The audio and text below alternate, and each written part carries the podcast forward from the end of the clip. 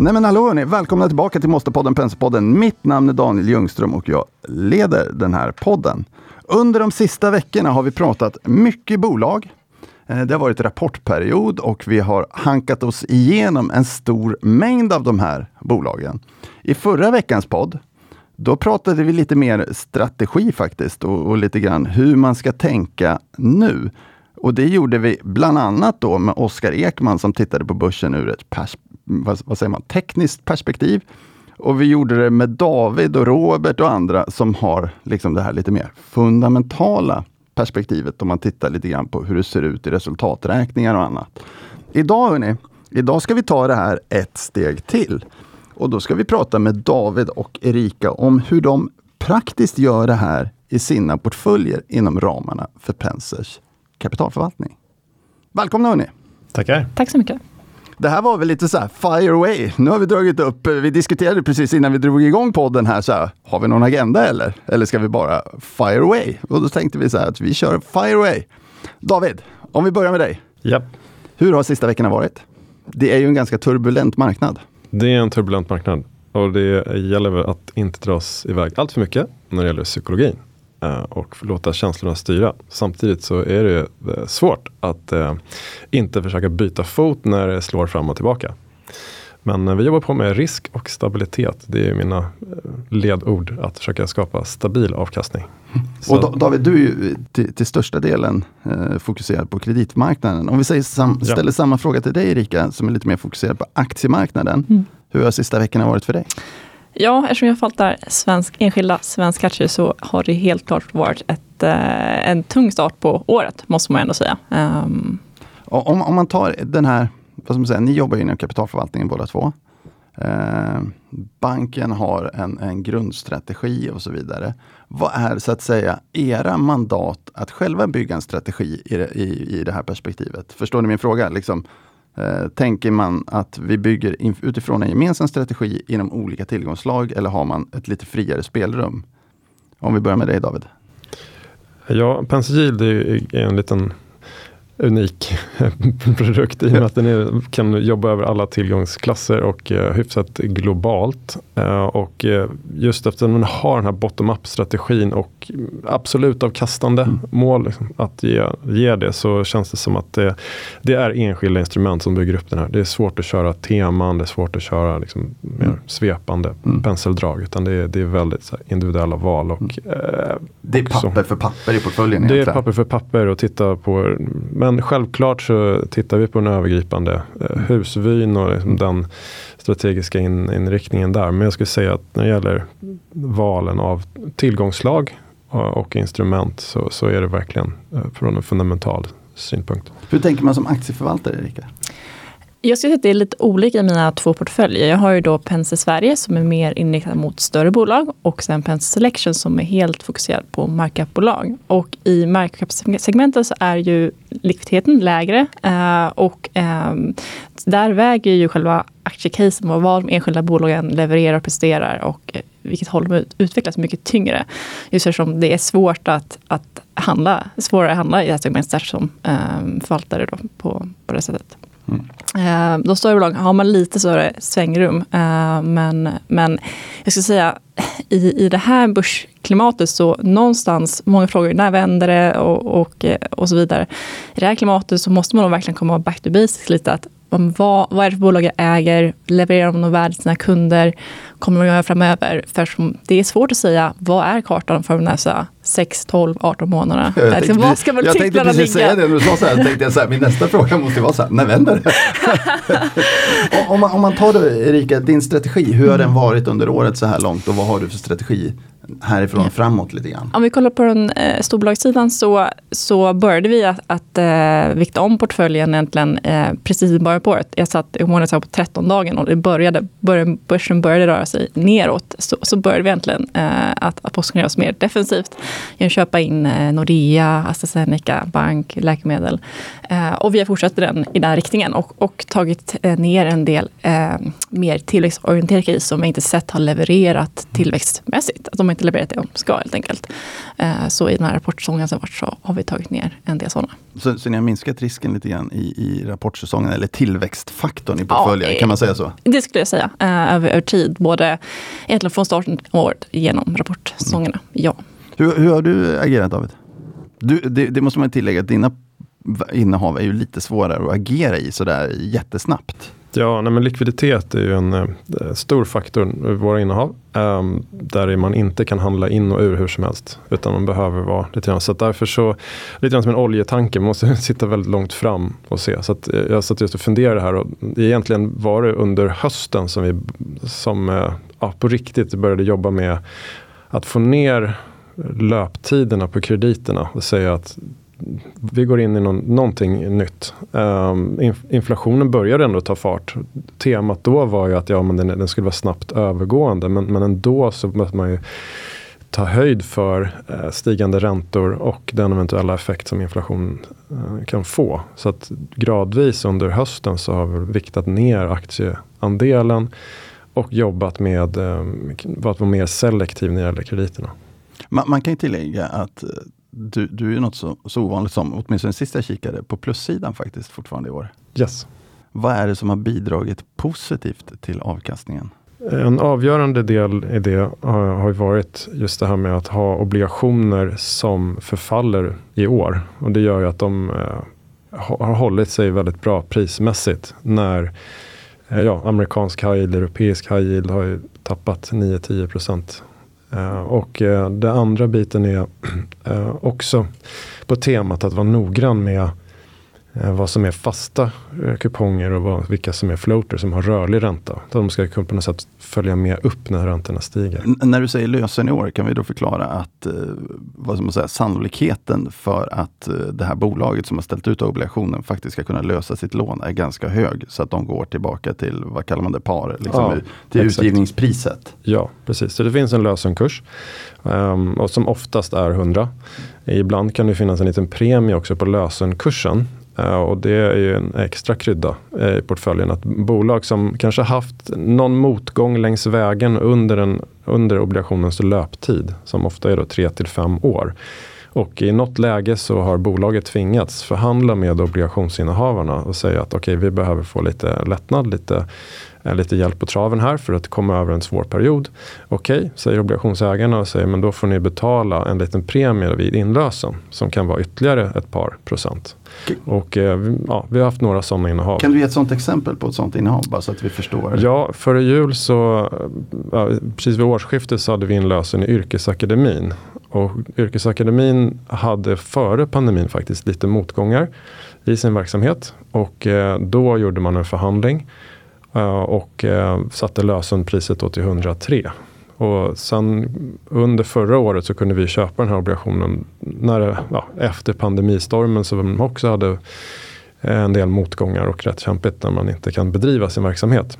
Så då kunde vi köpa den på ganska låga nivåer kring 86-87 eh, procent av värdet. Då. Så att då från kurs 86-87 så tickade den upp och så fick vi fullt betalt på 103. Och, om, om, man, om man tar David, du, du, har ju, du har ju ett absolut inriktat mandat. Ja. Vilket innebär konkret att du ska försöka leverera en positiv avkastning varje år oavsett hur marknaden går och så vidare. Ja. Det betyder väl någonstans också att du är lite vad ska man säga, mån om risktagandet. Man vill inte göra eh, vad ska man säga, helt fel yes. i någon mening. Hur upplever du att marknaden är just nu och vad är de största riskerna i ditt perspektiv? Vad är det du liksom är mest orolig för? Ja, det jag tycker är, ehm, på obligationssidan så är det just där kreditrisken, möjligheten till omfinansiering. Och om man tittar på eurobondmarknaden har varit väldigt eh, lite djupfryst kan man säga. Det har varit väldigt få emissioner, det har varit svårt att omfinansiera sig eftersom det uh, ja, varit ett kärvt klimat helt enkelt, stor oro. Du, du menar helt enkelt att vissa av de här obligationerna som går till lösen som du nämnde, att bolagen behöver fortsätta låna pengar och de skulle behöva låna in mer pengar? Eller nya ja, pengar? den rulla obligationen, mm. att man har lånat en miljard i marknaden och sen obligationen förfaller, de måste betala det här lånet så behöver de då låna upp en miljard för att lösa ut de gamla obligationsägarna. Och då blir det en nollställning av villkoren. Så att Eh, Eh, en del obligationer som gjorts under en gynnsam period där vi ja, har haft pengar har varit billigt, låga räntor och få alternativ så eh, har man kunnat låna lite väl billigt. Och nu när det är lite kärvare i marknaden, både då att vi ser att man vill ha betalt för kommande räntehöjningar men det är också då en ökad eh, konjunkturrisk. Alltså vart tar vinsterna vägen i, i det här klimatet? Och då vill vi ha mer betalt för det. Då. Ha, har det blivit som så att det är svårare för bolagen att låna upp de här pengarna eller är det bara praktiskt dyrare att låna upp dem? Jag skulle säga att på no, i nordisk eh, miljö, nordiska marknaden, så, så är det nog bara att det är dyrare eh, och att det kan ta lite längre tid. Um, men, men obligationsmarknaden fungerar som den ska, absolut. Mm.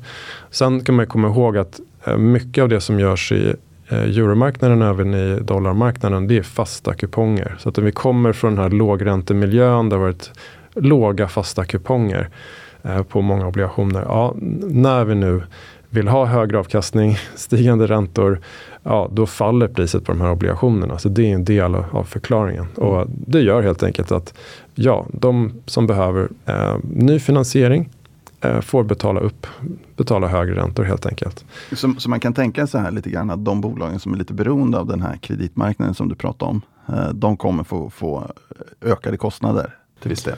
Absolut, och det är, det är ett tema som eh, många tittar på, just svensk fastighetssektor.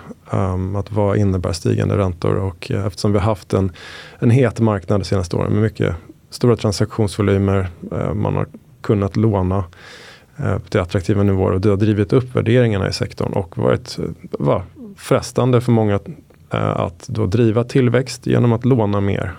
och nu helt plötsligt så ska man då finansiera de här lånen med, med att betala högre räntor.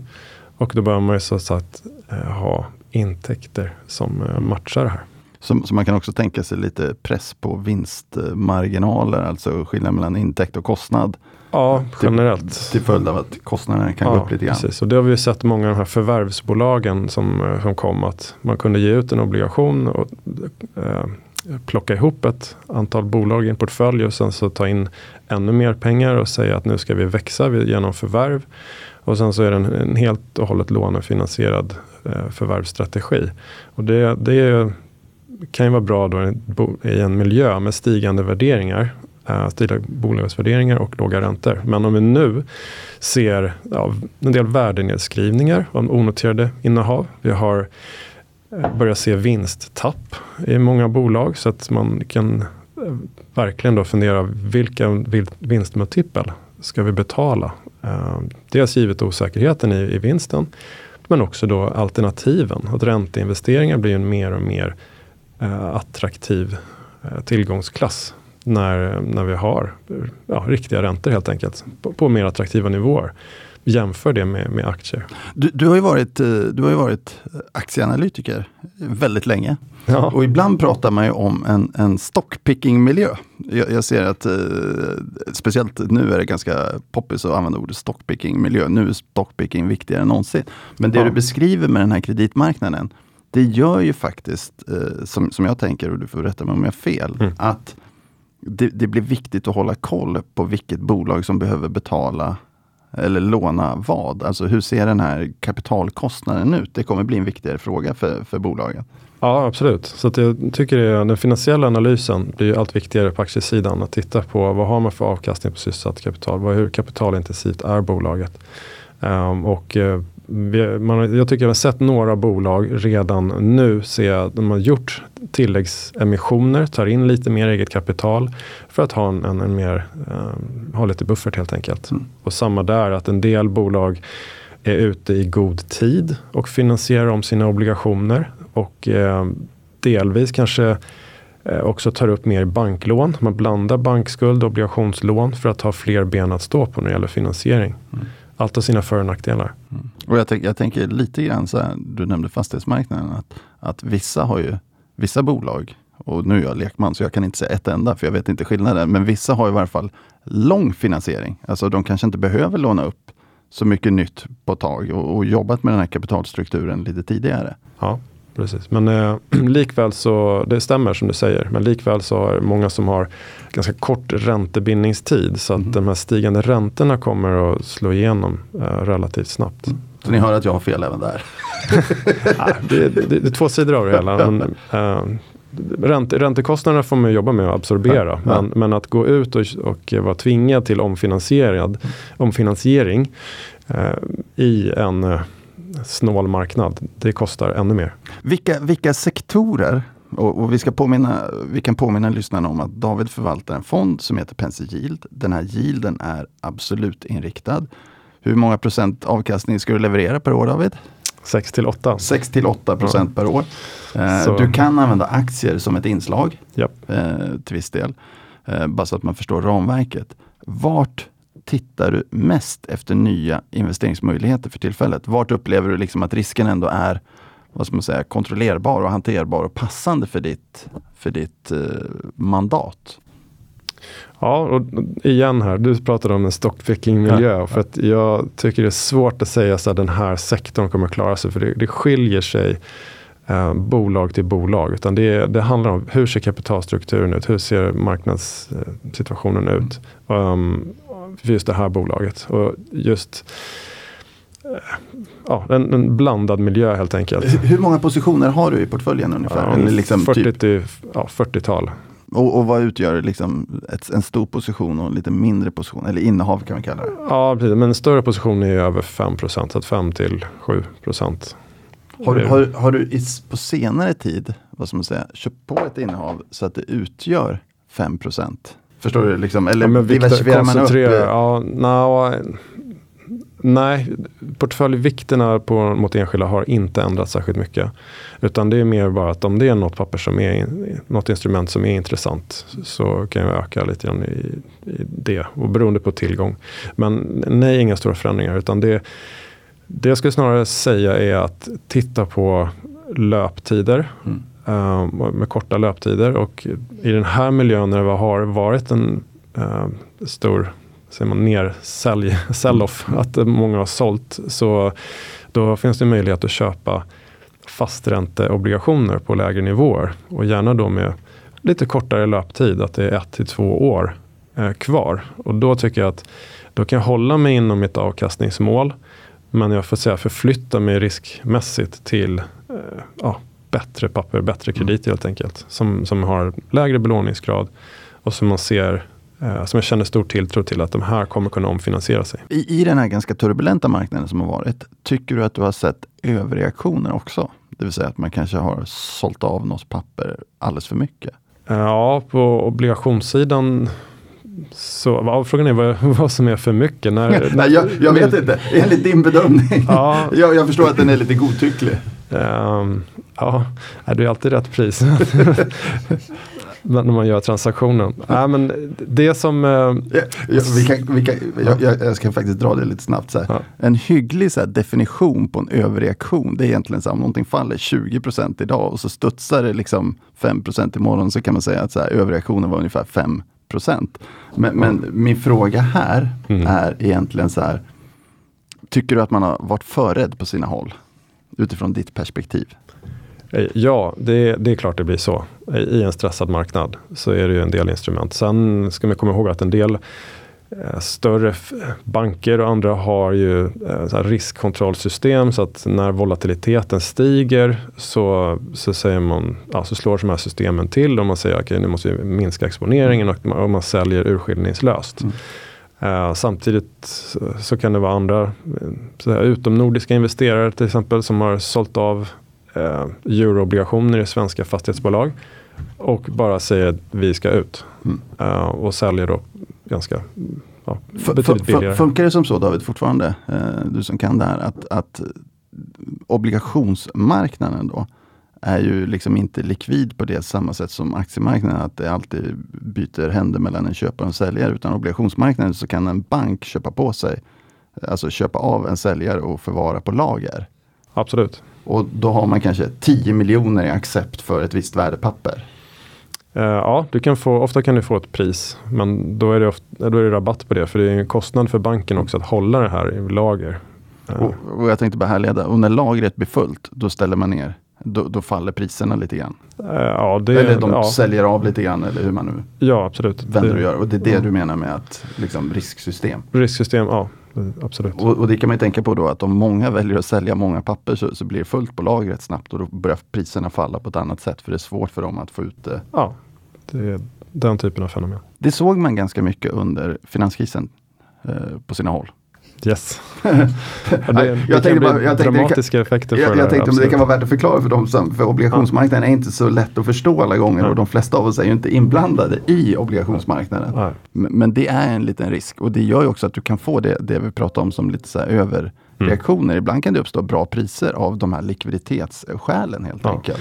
Sen vill jag också lägga in här att som förvaltare så i många lägen så kan mindre likvida småbolag, det kan ett ännu större problem att avyttra om man behöver sälja. Um, för att likviditeten är ännu sämre i, i, vissa fickor av mm. aktiemarknaden ja. än i obligationsmarknaden. Mm. Absolut, och det, det, där kan ju uppstå överallt. Erika, hur, hur, hur, hur, tänker du då, givet vad vi har hört med samtalet med David, lite mer så här, vad ska man säga, stockpicking miljö, lite mindre sektor, lite mindre, liksom, lite mer bottom-up och så vidare. Hur, hur, hur ser du utifrån ett aktieperspektiv på marknaderna just nu? Eller utifrån ditt portföljperspektiv är mm. kanske bättre mm. ordval. Nej, men lite som jag gick in på tidigare så, så tror jag, just eftersom det är väldigt svårt att rita ut kartan nästa, nästa upp till 18 månader i alla fall, så, så, blir, eh, så måste man gå lite tillbaka till grunden och säga liksom, vad är det för bolag jag äger? Um, vad säljer för någonting? Skapar de någon värde för sina kunder? Uh, har de uh, en så stark strategisk position att de, de klarar av att hålla det man pratar, många pratar om pricing power just nu. Uh, att man vill ha, man, har bolag som klarar sig. För det är väldigt svårt att säga vad ska multiplarna ligga på närmsta, närmsta tiden. Det kommer liksom variera. Det är nog bästa, bästa forecasten. Mm. Egentligen hur man ska värdera bolagen. Ja. Va, va, vad är din känsla? För det, vi, vi har pratat om det lite grann i, i, andra sammanhang också, att det blir liksom osäkerhet. Om man tar sådana här eh, förvärvsbolag så värderas de ganska högt tidigare. Nu säger man så här, ja, nu är vi lite osäkra på vad värderingen borde vara och så tumlar det runt lite grann kan man säga på marknaderna. Eh, vad ska man säga, hur tänker du som förvaltare, inte kanske just kring, kring förvärvsbolag, men i den miljön, innebär det att du blir aktiv och förvärva på eller liksom investera? Eller blir man lite vad ska man säga, försiktig och avvaktande? Får jag kommentera på förvärvsbolag först? Ja, det får jag, jag, jag, tycker, jag, bara extra, jag har ägt ganska många förvärvande bolag ja. och, många, eh, och många pratar mycket om dem. Eh, men, och, och man, man, klumpar liksom gärna ihop alla till en, en sektor, en bolag som förvärvar mycket. Men när man kollar på dem lite bottom-up, som David pratade om, då ser man att de är ganska olika sinsemellan. Mm. Eh, och, och just, eh, jag sitter mycket och kollar på, som David nämnde, avkastning kapital. För där kan man verkligen skilja ut liksom, bolag som, som är kanske inte skapar så mycket värde för sina aktieägare genom det sätt de förvärvar på, från de som faktiskt gör det. Mm. Uh, så där, där gräver jag verkligen ner mig just för att kunna skilja ut och, och stockpicka. Är, är det en, en, en, sektor som du tycker, eller kallar man det en sektor? men, den typen av bolag, tycker du de är intressanta för tillfället? Eh, delar av dem absolut fortfarande. Eh, jag har ju en, en hel del i, i båda portföljerna faktiskt. Men där tycker jag nog fortfarande, som jag faktiskt tyckte förut också, att eh, många av de, de mindre förvärven är de mest intressanta för de är billigare och de växer snabbare. Mm. Uh, svårare än så är det inte. Um, till exempel som i störst av i Penn Selection, som är Technion, um, som är en riktigt snabb växare. Va, vad är Technion? Det är en serieförvärvare i modell mindre. Så de fokuserar på, som många andra, liksom marknadsledande nischade eh, bolag som, de, eh, som är onoterade som de köper. Uh, och uh, de hade en dramatisk tillväxt här i, i senaste kvartalet. Jag tror att 88 procent varav uh, rejält mycket av det är organiskt. Så det var Samt som man då, de har ju utvecklats, jag tror i linje med liksom, index under det här året, så de är mycket billigare nu än vid årsskiftet. men, men växer på väldigt snabbt. Du har ju två portföljer mm. eh, som du förvaltar. Eh, Selection och Sverige. Mm. Eh, Sverige är ju då stora bolag och Selection lite mindre bolag. Hur skiljer man, och då kan man säga så här, large cap kontra small cap egentligen. Hur skiljer sig dina strategier åt mellan de här två portföljerna? Blir det en skillnad i den här typen av marknad? Jo, men det blir väl för att i, i selection, alltså att investera i, i, i aktier handlar ju egentligen om att bestämma vilken faktor jag ska kolla på för att kunna, eh, för att kunna se vad det är som kommer driva eh, aktiekursen. Vilken faktor är det som kommer dominera? Och i selectionbolagen så är det ju alltid den faktor som kommer dominera liksom bolagets enskilda utveckling, underliggande Mm. utveckling, fundamentala utveckling. I hur, utvecklar, hur lyckas de med att kommersialisera, och, och, eh, och driva sin, sin verksamhet? För de är oftast små, små innovativa bolag med, med stark tillväxt och eh, där de marginalen ofta rör sig på så mycket. Eh, så rent fundamentalt så, så händer det mycket i det. Men de större bolagen mycket mer påverkas av eftersom det är oftast mer mogna bolag. Eh, det händer inte riktigt lika mycket lika snabbt. Eh, så, så drivs de kurserna, eh, liksom, avkastningsutvecklingen drivs mer av makrofaktorer. Så att då, då blir det två olika synsätt mycket. Och det, det märks i den här miljön också. Hur gör du då när du positionerar portföljerna i Sverigeportföljen, alltså den lite större portföljen med, med mer mogna bolag? Hur tänker du då strategiskt för tillfället? För, för det är ändå så här, man börjar prata om eh, liksom, recessionsrisker, man Mm. börjar prata, man börjar inte prata om inflation, man pratar om inflation ganska länge. Men, men inflation, högre räntor och så Mm. vidare. Får det dig att eh, liksom, anpassa strategin härifrån och framåt? Ja, nej men som, jag, som jag beskrev tidigare så även i en större, min större portfölj har ju en, en, en del med eh, mellanstora och mindre bolag. Och där är, blir det ju mer fokus på fundamenta och bolagsanalys. Medan i bland de största bolagen, där eh, har jag lite som jag, jag pratade om tidigare, eh, viktat om med, mot en mer defensiv profil under hela året egentligen. Eh, just för att man vill ha de mer stabila kassaflödena från till exempel AstraZeneca som är en av våra större positioner. Eh, och eh, för att den risken ändå dy- dykt upp på horisonten i år som på ett sätt som det inte varit under förra året. Hur, hur, hur ser du på, på och det är väl kanske en fråga till, till dig också David. Hur ser man på, man brukar prata om bank och finans, men jag tror man klustrar ihop det lite grann med, med fastighetsbolag och så vidare. Hur ser ni på, på banksektorn som ändå är en ganska tung sektor eh, på den svenska börsen för tillfället? Man pratade tidigare om så här utdelningsbolag och så vidare. Lite, liksom du får bra direktavkastning och så vidare. Samtidigt så kommer lite ränta och inflation och lite recession. Eh, Vill man, vill man vara, vill ni, är det inte relevanta sektorer för er? Är det inte? Är- Är det relevanta? Um, Man, och det, det tar ju perspektivet att man brukar prata om det som lite Mm. så defensivt eh, Mm. gynnsamt.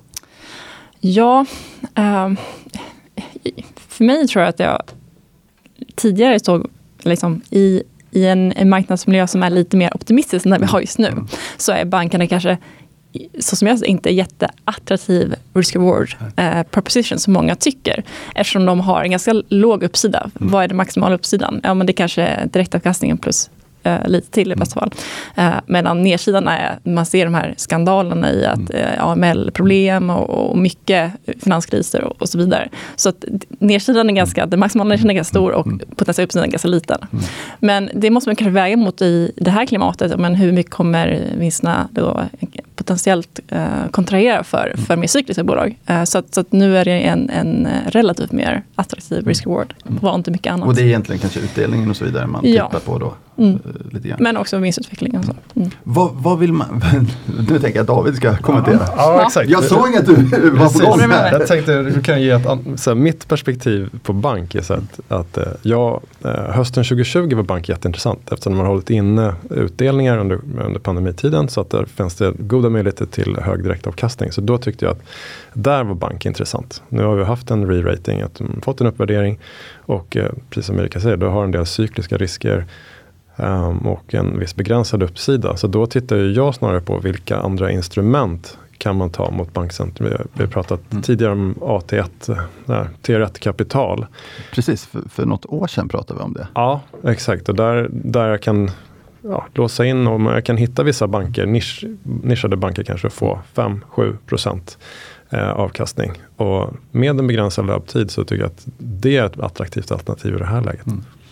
Snarare än att äga aktien. För att återigen, om vi får en, en, en allmän multipelkontraktion, att vinstmultiplarna handlar ner, men det kommer ju drabba bank också. Vad vill man se? om, om man tänker sig så här att må, många är rädda för inflation eh, och, och räntehöjningar och så vidare. Och, och det låter lite på er som att ni har positionerat er lite defensivt i det här klimatet. Vad vill man se vad ska man säga, för positiva signaler? Vad letar man så att säga efter för att bli lite mer positiv igen? Förstår ni? Till konjunkturen allmänhet? Till, eller eller ja, till... till, i portföljerna. Ja, i det skulle ju kunna vara på bolagsnivå att man bara säger så här, ja vi kan få en dålig konjunktur men de här bolagen är billiga. Och, och riskrewarden är väldigt bra liksom. Vad, vad, vad tittar man efter för tillfället? Ja, om jag börjar så jag tycker att eh, jag vill kunna se någon form av botten i vinstutvecklingen. Om, om jag ser nu ett antal bolag som kommer ut och reviderar ner vinsterna så är det fortfarande att man letar efter liksom någon slags botten. Men det kan ligga en bit längre fram Mm. och eh, marknaden ska ligga före i att eh, justera prissättningen och börja pensla in en, en vändning. Men jag skulle nog vilja se att inflationen toppar ur. Eh, men också en, en slags botten. Den vänder ner lite grann, Ja. kommer, det kommer in lite lägre siffror. kommer in lite lägre siffror och att man då kanske får en lite klarare bild av räntecykeln. Alltså hur, hur länge kommer centralbanker ligga och höja räntor och vilken nivå kan vi förväntas nå? Mm. Och där är fortfarande, tycker jag, lite grumligt. Mm. Och om vi tar senaste utvecklingen här, Cisco-rapporten igår kväll. Om man räknar lite snabbt på deras guidning så innebär det en sänkning av vinstestimaten med 15 procent för det innevarande kvartal som de har börjat nu. Och det, det är fortfarande det är en ganska stor eh, justering neråt. För, förklara för mig David, jag såg bara att Cisco kom med en rapport eh, som, som gick, gick ner i eftermarknaden. Ja, Eh, en del. Och, och de, de guidade för vad? Lägre vinster? ja eh, de ska ju nu rapportera, deras nästa kvartalsrapport är deras fjärde kvartal. Så att, eh, då pratar vi perioden maj, juni och juli. Mm. Och tidigare så var det en, en guidning och en förväntan i marknaden om en positiv tillväxt, att Mm. de skulle, försäljningen skulle öka.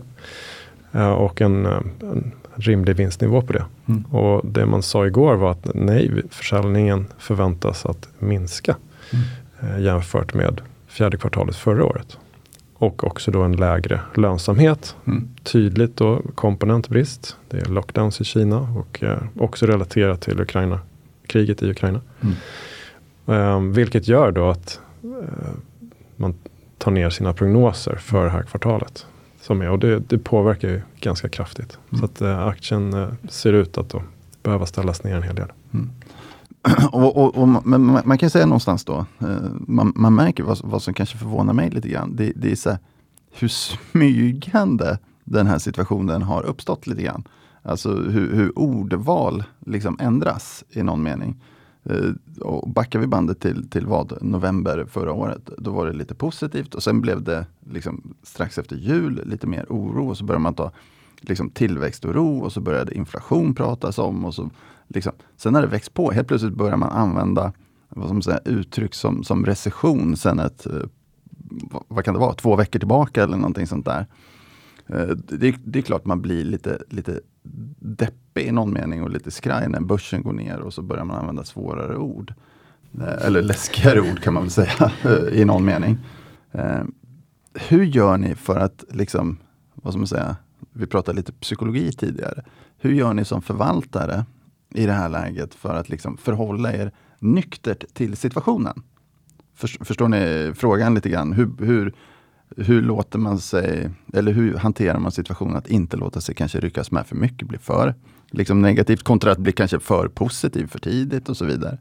Hur ser så att säga, processen ut för att sköta den delen? Ja, läsa kvartalsrapporter och, och vad, vad vdarna säger och, och, och eh, räkna på det. Och, och, och hur tolkar du dem för tillfället? Är de liksom försiktigt inställda för De tillfället? är väl, jag skulle säga att den generella tolkningen från rapportperioden på svenska sidan är väl att de är försiktigt positiva än så länge. För att det, det är ganska få som säger att de ser en, eller jag har inte hört någon säga att de ser en kraftig inbromsning än så länge. Nej. Eh, vilket då många vi i finansbranschen verkar då se. Ja, och det är det, det, är det jag menar, så här, de här orden kommer. Ja, liksom, så här, ja. det, det blir på något sätt lite, så här, lite självspelande i någon mening att fler och fler använder det. Ja, jag tycker det är värt att, eh, en sak är värd att hålla i minnet. Eh, de här bolagen vi pratar om som ger ut obligationer, som har sina noterade aktier, leds, de har ledningsgrupper, de har tillgång till mycket kvalificerad personal. De tittar eh, på alla möjliga möjligheter, hur man ska hålla i kostnader, kostnadsbesparingsprogram, man tittar på försäljning, man tittar på finansiering. Var, att, hur kan vi bli effektivare och bättre? Mm. för att parera mm. en svårare marknad. Och det gör att när värderingen då är tillräckligt låg och även om estimaten fortfarande ligger lite för högt så tycker jag att eh, man kan våga köpa kvalitetsbolag. Mm. Det är det som jag tänker. Och samma med kreditsidan. att eh, jag kan ligga med vissa, vissa bolag, att man kan ha lite ja, längre löptider och känna en, en komfort i att bolagen kommer att sköta det här. De kommer att ta sig igenom det här. För att vi ska inte, ja, världen går inte under, utan att eh, det är en anpassning. Vi har, vi har högre eh, inputkostnader. Mm.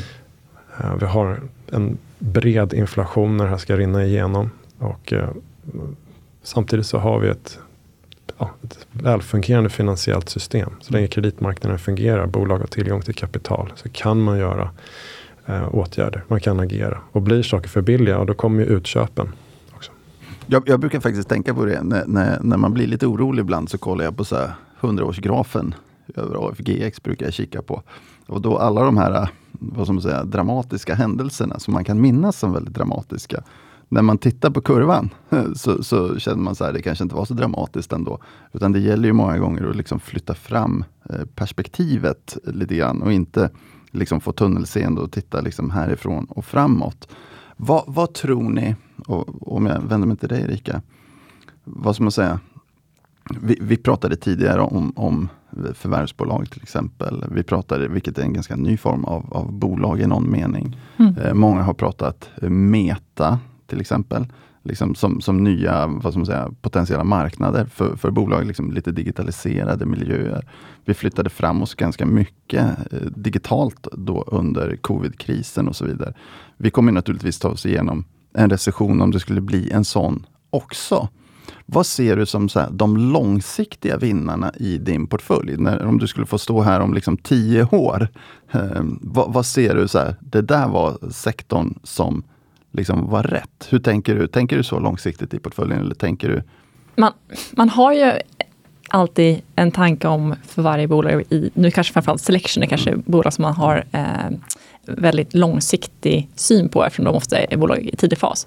Eh, så, så tänker man att men det här är möjligt scenario. De, om allting går rätt så kommer det här och det här att hända. Mm. Då kommer vi se den här utvecklingen, den här tillväxten, den här marginalerna.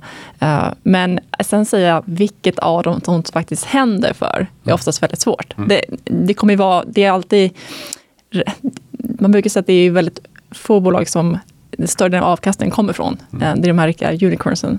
Så att, ja, det är en svår fråga skulle jag säga.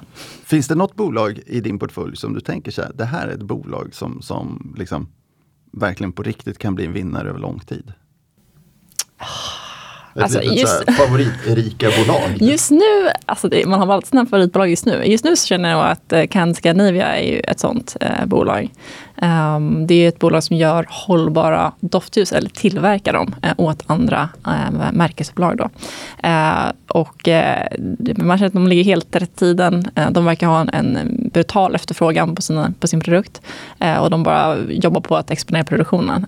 så att det, det, och det, de har en väldigt ehm, stark management och stark situation som jag verkligen gillar. så att det, just nu så, så är jag väldigt exalterad över det bolaget. David, med ditt, med ditt perspektiv, eh, vad skulle du säga, eh, finns det något sånt? Nu har du lite annat fokus, men finns det någonting som du tycker är lite extra spännande i din portfölj? Ja, jag skulle ju säga att vårt största innehav är väldigt intressant. Det innehåller många komponenter. Det är ett bolag som heter Scan Global Logistics.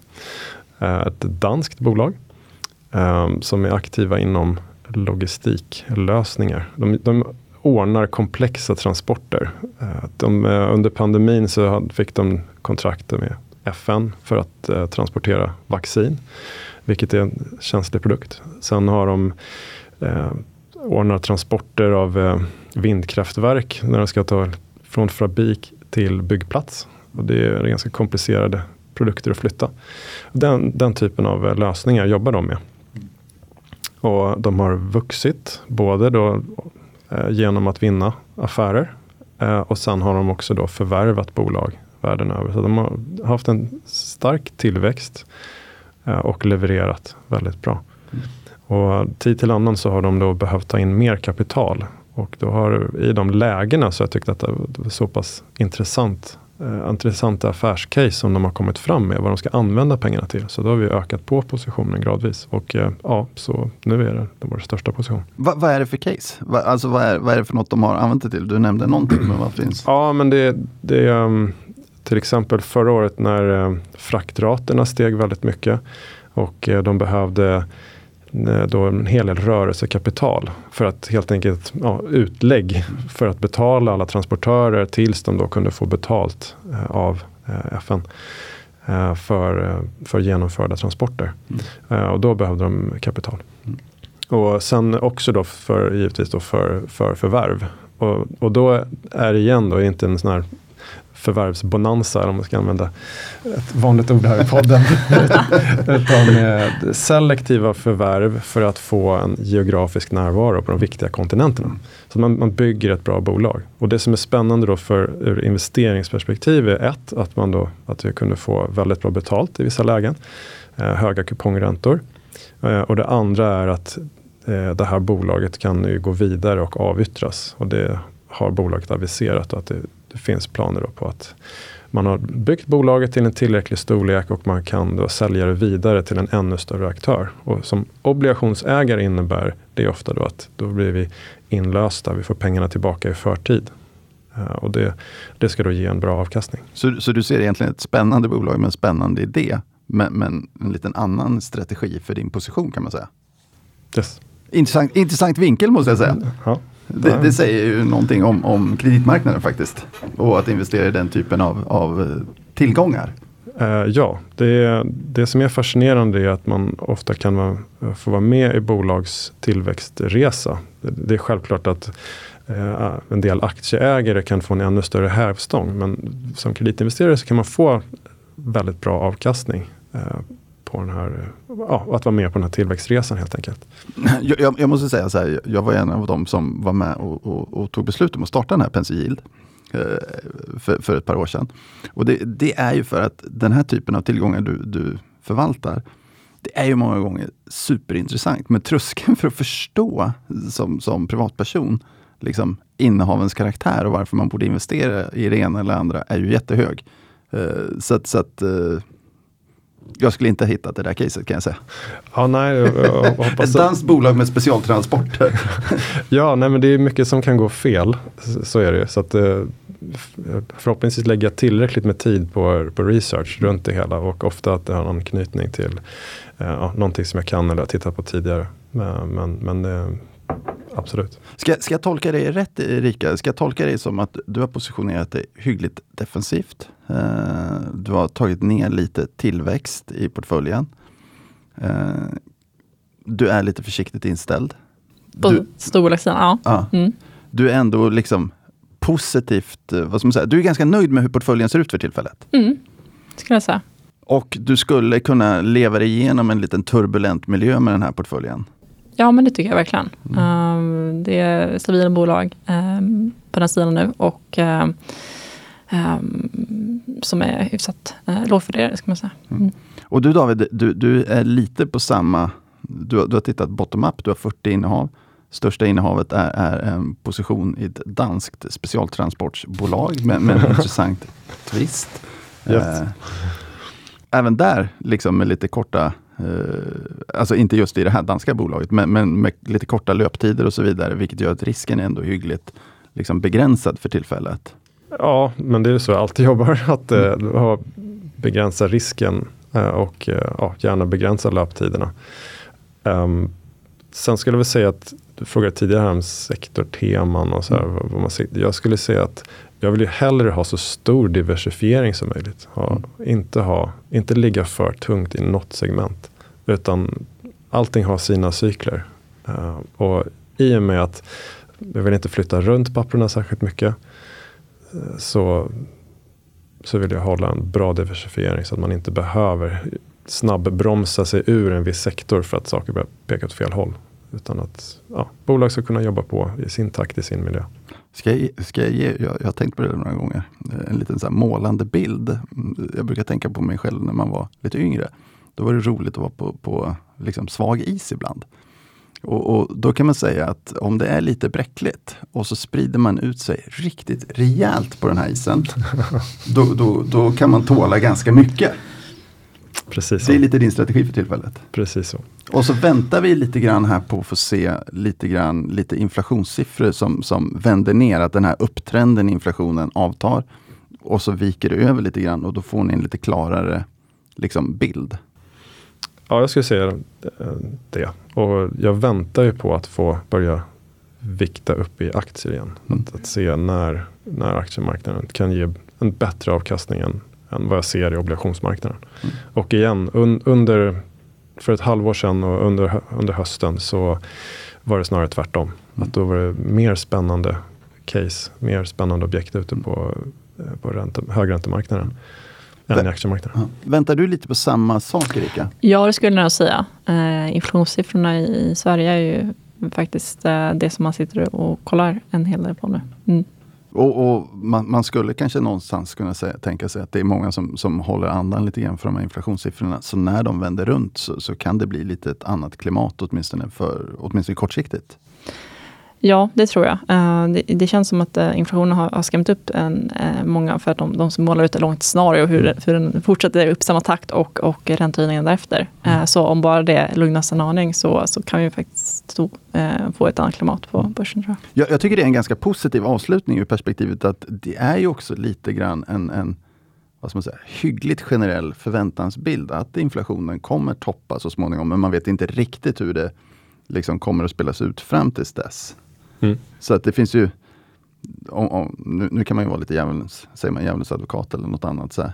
Det är inte så supermycket som indikerar att den här inflationen skulle liksom vara ihållande jättehög under lång tid. Får jag uttrycka mig så? Absolut. Mm.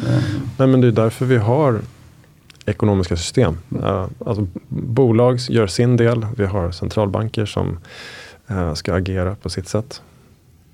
För att vi ska få en stabil ekonomisk miljö där alla kan verka. Mm. Och, vi, och vi har ju några grejer som faktiskt har eldat på den här inflationen och det är ju i, i det lite kortare perspektivet att Kina helt plötsligt eh, hamnade i, under covid-press igen och började stänga ner ganska stora områden. Vi har Ukraina-kriget som kanske bidrog till ytterligare problem med, med transporter och annat. Och så har vi de här halvledarna och allt vad det är för någonting som, som kanske är lite mer tillfälliga, eh, vad ska man säga, påverkansfaktorer.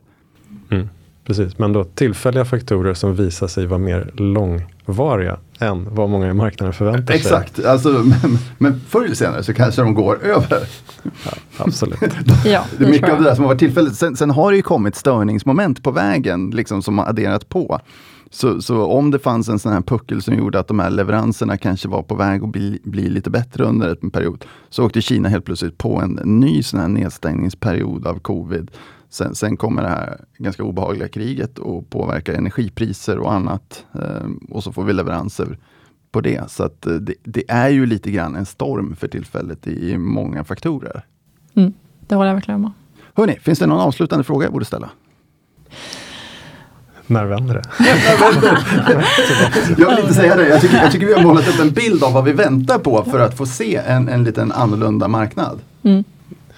Ja, och sen kanske inte det är en avgörande fråga utan det är att agera selektivt. Eh, välj instrument, välj tillgångsklasser eh, som har en stabil, stabilare miljö. Ta, ta bara den risk du vill ta. Mm. Hörni, stort tack för er tid. Tack så mycket.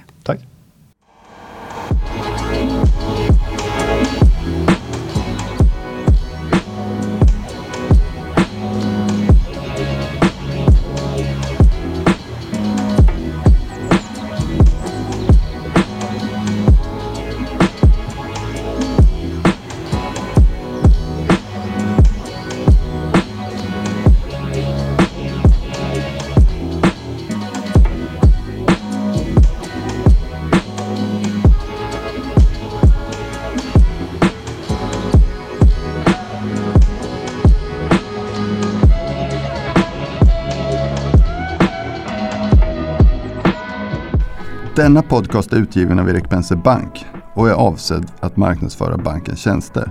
Vissa bolag som nämns kan därmed ha något samarbete med banken i form av fondförvaltning, analystjänster, certified advisor-uppdrag med mera. För mer information om dessa tjänster, fondförvaltning och även bankens hantering av eventuella intressekonflikter vänligen se bankens hemsida www.penser.se. Vänligen notera att investeringar i finansiella instrument inklusive fonder är förknippade med risk. Historisk avkastning är en garanti för framtida avkastning. De pengar som placeras i finansiella instrument kan både öka och minska i värde och det är inte säkert att du får tillbaka hela det insatta beloppet. Ingen del av Penserpodden ska uppfattas som investeringsrekommendation. Informationen är heller inte att betrakta som investeringsrådgivning då den inte tar hänsyn till mottagarens specifika investeringsmål, ekonomisk situation eller kunskap. De uppfattningar som redogörs för i podcasten återspeglar de medverkandes uppfattning för tillfället och kan därmed ändras. Externa gäster i Penserpodden framför sina egna åsikter som kan avvika från bankens uppfattning. Banken frånsäger sig därmed allt ansvar för investeringsbeslut och för direkt eller indirekt förlust eller skada som grundar sig på mottagarens användande av informationen i podcasten.